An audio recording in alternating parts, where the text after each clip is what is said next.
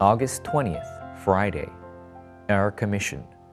Romans chapter 16, verses 25 through 27. To the only wise God be glory forever through Christ Jesus. Amen.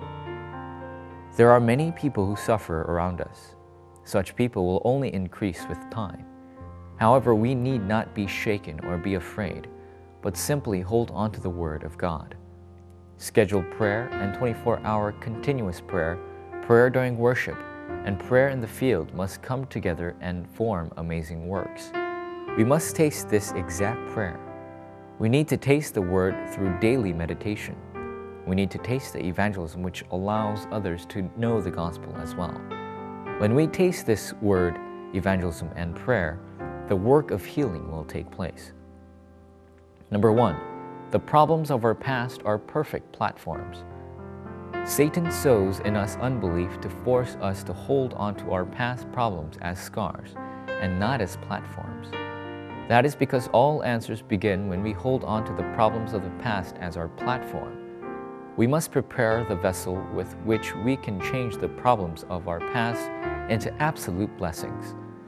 We must be steely in our thoughts and fiery in our heart, but our minds must be simplified. Our thoughts must be in a lofty place, but our hearts must always be at the lowest place. If we begin in this way, we can overcome the problems of the past. Number two, we must prepare to change the world.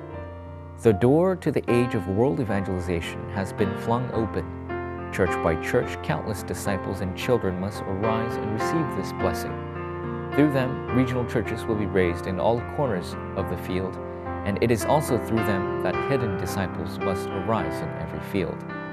The living message must be deeply relayed to the field through the regional church.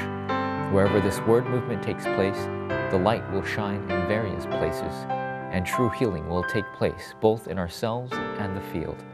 Number three, God's absolute plan toward the future. God has prepared the absolute blessings for our future. God desires to bless our church to make it into the representative church in our region.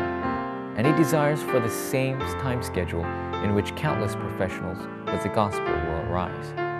We must receive the specific answer through which we can find and raise the talented people and save the next generation.